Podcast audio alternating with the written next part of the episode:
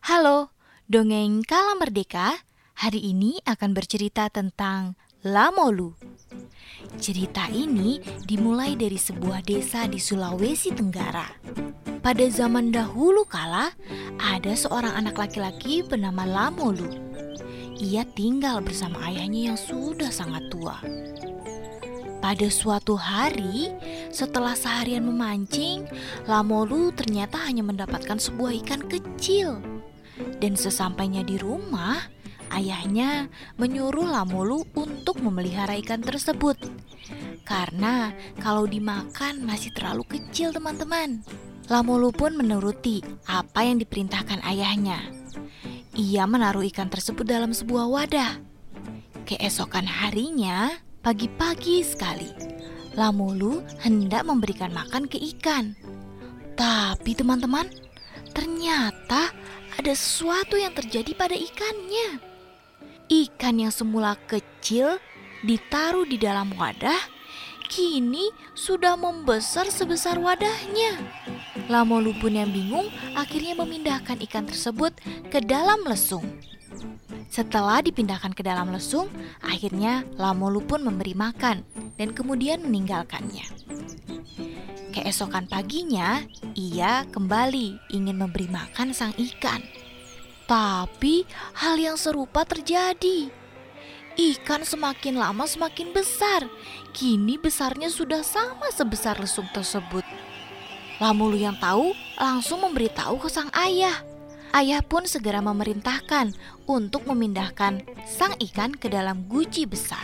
Dan teman-teman harus tahu, pada hari berikutnya ketika Lamolu mau memberikan makanan lagi, sang ikan kini telah membesar sebesar guci yang ditempatkannya. Akhirnya, Lamolu pun membawanya ke tepi laut. Tapi sebelum dilepaskan ke laut, Lamolu memberi nama sang ikan. Namanya adalah Jinande Teremombonga. Selain itu, Lamulu juga berpesan pada sang ikan untuk tetap datang ke tepi laut ketika ia memanggilnya. Hari berganti. Lamulu pun pagi-pagi sudah siap untuk memberi makan ikan kesayangannya. Ia pun berangkat ke tepi laut dan setelah sampai di tepi laut ia berteriak memanggil.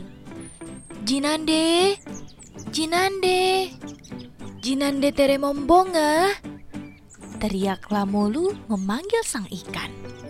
Tak berapa lama, Jinande pun datang menghampirinya. Dengan semangat, Lamolu langsung memberikan makanan. Dan setelah makan, ikan pun kembali ke laut lepas. Kegiatan ini terus dilakukan oleh Lamolu dan si ikan kesayangannya. Setiap pagi, Lamolu akan dengan semangat pergi ke tepi laut untuk memberikan makanan kepada Jinande. Hingga pada suatu pagi, ketika Lamolu sedang memberikan makan Jinande, dari jauh terlihat ada tiga orang pemuda sedang memata-matai Lamolu dan Jinande. Mereka melihat dari atas pohon. Mereka melihat ikan yang sangat besar dan dari sana mereka berencana untuk menangkap ikan tersebut. Mereka merencanakan salah satu dari seorang akan berteriak memanggil nama Jinande dan dua orang lainnya akan menusuk Jinande. Dan ketika Lamolu sudah pulang, pergi meninggalkan laut, benar saja ketiga orang itu melakukan rencana mereka. Dan akhirnya mereka berhasil membawa pulang Jinande atau ikannya Lamolu dengan keadaan mati. Keesokan paginya, seperti biasa, Lamolu bergegas menuju tepi pantai. Sesampainya di tepi laut, ia memanggil Jinande berulang-ulang kali. Ia menunggu, terus menunggu. Tapi ikan kesayangannya tidak kunjung datang teman-teman. Lamolu yang bingung tidak mau meninggalkan tepi pantai. Ia terus menunggu. Hingga akhirnya hari menjelang siang. Tapi ikan kesayangan dari Lamolu tetap tidak datang juga. Dan akhirnya Lamolu memutuskan untuk pulang. Pada malam harinya, Lamolu kebetulan sekali berkunjung ke rumah salah seorang pemuda yang telah mencuri ikannya. Di rumah sang pencuri, ia disuguhi makan malam dengan lauk daging dari ikan yang besar. Ketika Lamolu hendak makan, Lamolu berpikir, "Apakah daging ikan besar ini adalah jinande?" Aku harus menanyakannya, ungkapnya dalam hati.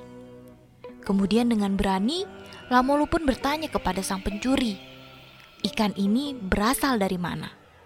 Si pencuri tentu tidak langsung mengaku, ia berkali-kali berbohong. Tapi akhirnya ia menceritakan semuanya dengan jujur kepada Lamolu. Lamolu yang mendengar cerita itu sangat-sangat sedih. Ikan kesayangannya telah mati. Kemudian Lamulu pun memutuskan untuk pulang. Namun, ketika ia hendak pulang, ia memungut tulang ikan yang telah dibuang. Ia memungut tulang ikan tersebut untuk ditanamnya di depan rumah. Malam pun berganti pagi. Nah, saat pagi hari itu teman-teman, saat Lamolu keluar dan melewati tanah di mana ia menguburkan tulang bekas ikan jinande, di sana ia melihat sudah tumbuh sebuah pohon yang berbatang emas. Daunnya pun berdaun perak. Kemudian ia berbunga intan dan berbuah berlian. Di sana Lamolu terkejut melihat itu semua. Nah, karena tumbuhan emas yang ada, Lamolu pun kini sudah menjadi seorang yang kaya raya. Walaupun sudah kaya raya, ia tidak pelit. Ia tetap menjadi orang yang pemurah di kampungnya. Ia pun hidup bahagia bersama ayahnya. Nah, teman-teman, dari cerita ini, apa yang bisa kita pelajari ya? Jika teman-teman sudah tahu, jangan lupa beritahu yang lain ya. Sekian, merdeka!